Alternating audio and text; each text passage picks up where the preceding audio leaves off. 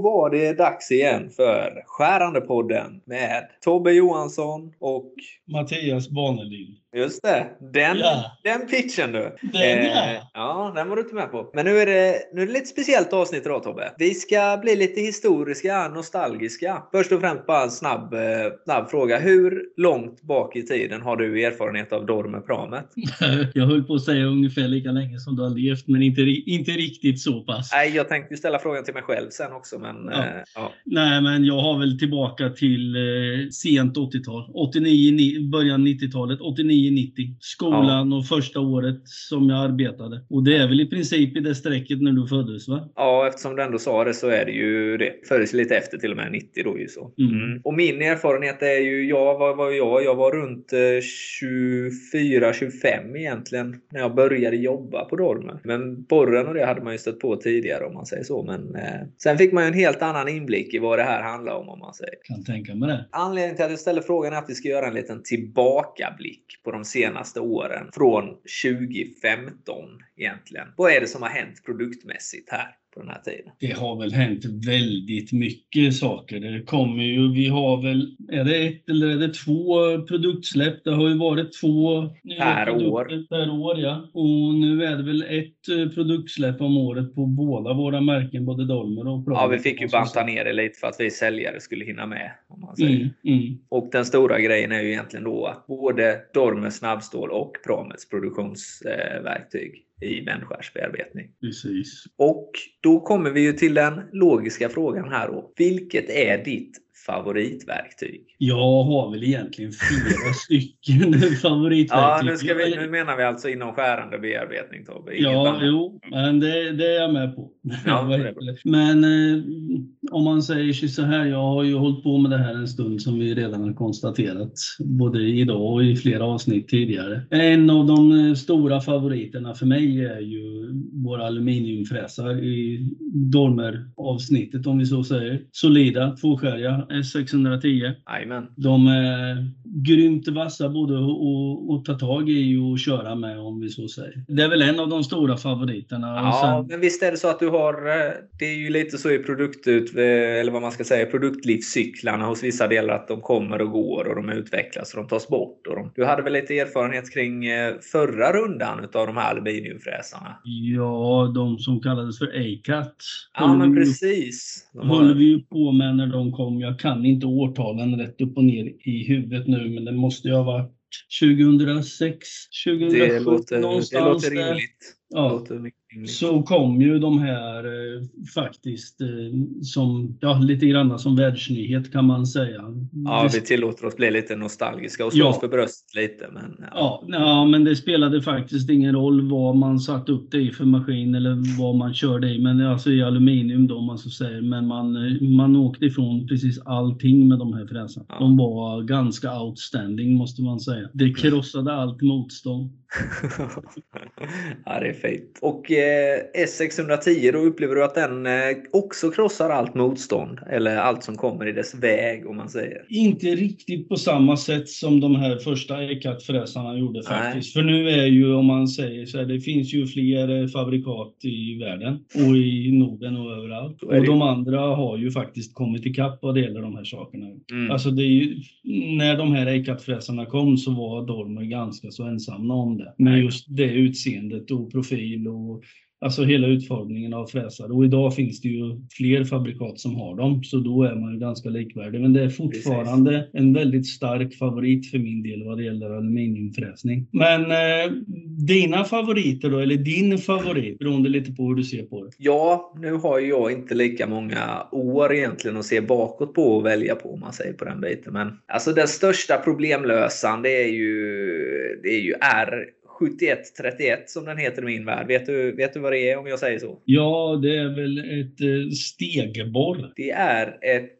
belagt stegborr i, solid hårdmetall med genomgående kylning. 90 grader försänkning och då finns den eh, för gängdimensioner M4 upp till M12. Och det här är alltså ett standardverktyg då för P, M, K och N-material. Mm. Så det är alltså ett verktyg, ett produktionsverktyg kan man säga, för tre gånger det som funkar till allt, nästan allt. Om man vill Mm. säga. Men det har en så pass bredd liksom. Ändå är det, är det på den nivån att folk tänker ja, stegborr och så det, det, är, det är lite special och så. Men den är på hyllan och den är prisvärd och den går att få till rätt ställe rätt snabbt. Den har räddat eh, mina kunder många gånger. Men ja. om inte jag missminner mig helt så har vi en variant i snabbstål också av de borrarna. va? Med stegborr. Ja, men precis. Inte bara en variant vill jag väl påstå, utan där finns ju flera rackare. Vad heter de då? Heter de A400-serien där? Mm. De har vi nämnt tidigare. Ja, precis. Men det är ju som du säger, det räddar ju väldigt många. Och många tänker direkt special när det är stegborr. Ja, precis. Så är det. Men där finns eh, otroligt mycket och det finns olika skaft och det finns ja, olika längd och hela biten. Så det är, mm. ja, även i snabbstål. Helt rätt.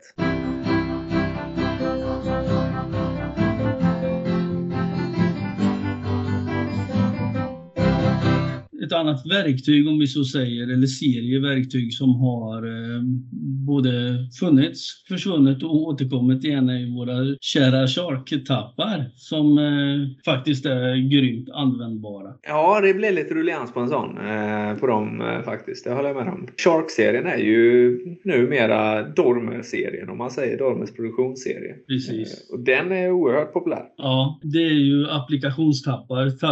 En speciell gängtapp som avsett för ett visst material kan man väl enkelt eh, beskriva den som. Ja, mer eller ja. mindre kortfattat så. Varför ja. är det din favorit då? Jo, men det är väl många gånger så att eh, våra kunder har kanske serieproduktion. De vill ha någonting som håller väldigt länge och de kan producera med mycket bra säkerhet om vi så säger. Så de, vet, de vet att gängtappen håller si och så många hål och sen byter man gängtapp och sen eh, kör man vidare med nästa. Mm. Och då är ju de här eh, väldigt bra om man så får uttrycka sig. Ja, det är faktiskt lätt att vara säljare när man har produkter som är så pass bra. Det är, mm. det är gött. Där. De, är, de flyter på, de är pålitliga. Och det sista som hände är ju faktiskt eh, att den svarta Sharken, eller Black Shark, kom tillbaka i nyhetssläppet 2019 var det va? Eller var det 2020?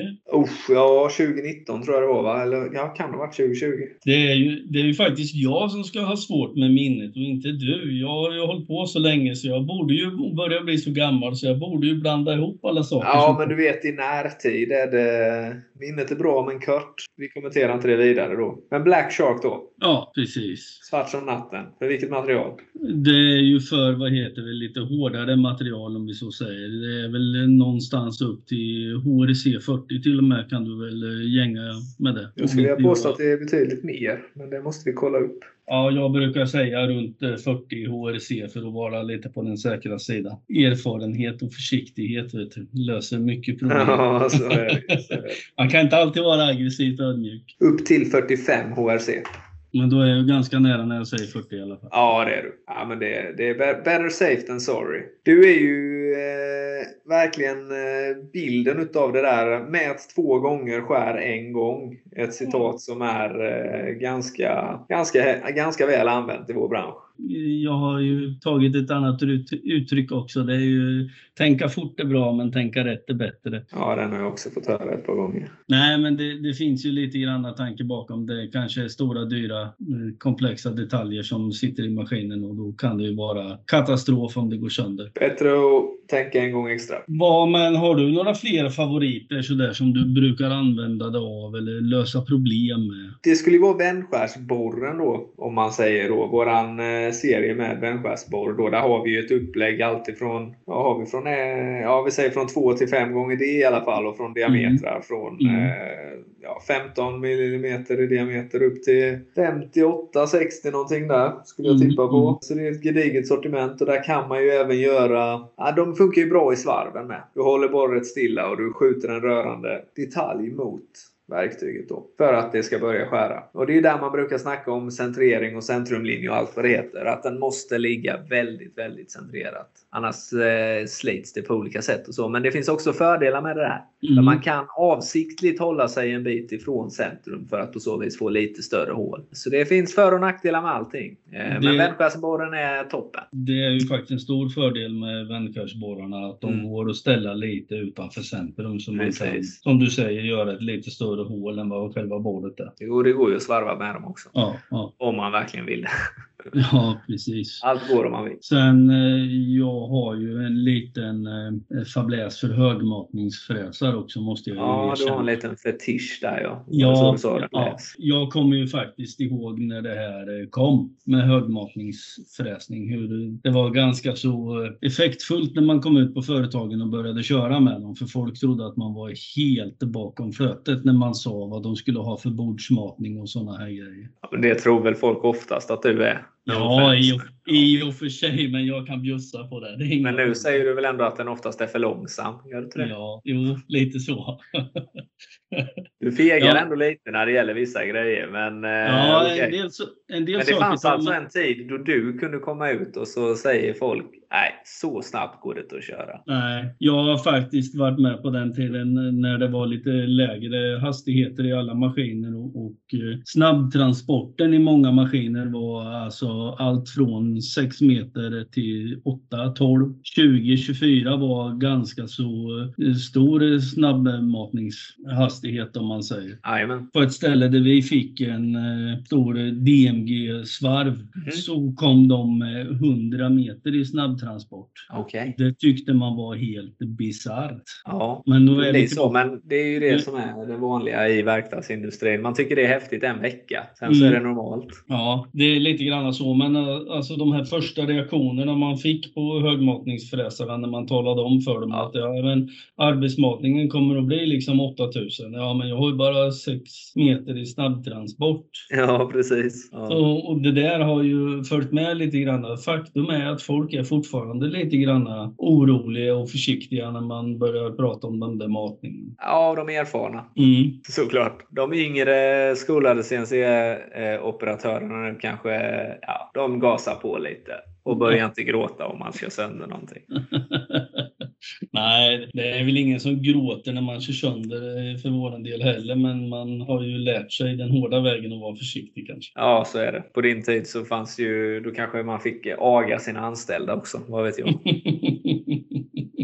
ja, det kanske skulle behövas Mattias. ja, det.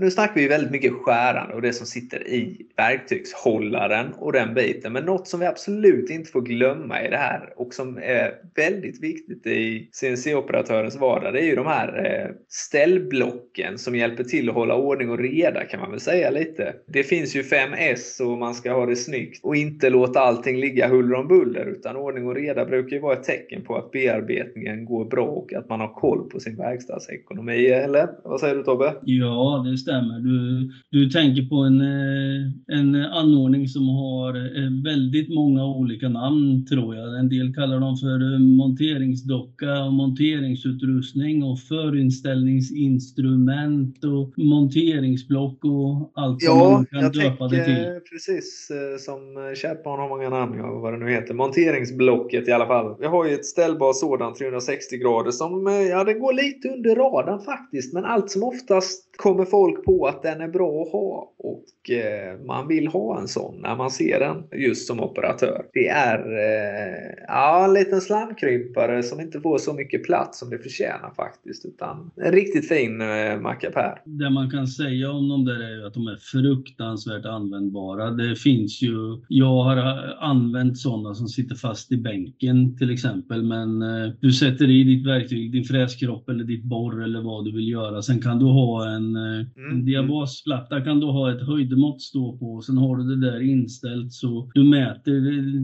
längden på ditt verktyg utanför maskinen och sen sätter du in det i maskinen direkt bara. För lite äldre maskiner där man inte har en massa mätprobar och sådana detaljer. Ja, Det, fin, det, fin, nej, men det finns till och med de här utrustningarna som har eh, fina eh, indikatorklockor på sig så du kan mäta ut både diameter och, höjd på verktyg i Ja. de här utrustningarna du sätter in. Det är precis som du säger. Man eh, pratar om de här eh, utrustningen alldeles för lite för den är väldigt, väldigt bra. Jag har varit med där man fick använda det vanliga skruvstycket i ett vanligt bänkskruvstycke oljestycke att sätta fast konerna i och det blir inte jättebra i, i förlängningen. Nej, det precis. Det, hjälp, det hjälper ju en att ha koll på läget. Liksom. För mm. man ska inte bara lägga en verktygshållare ner.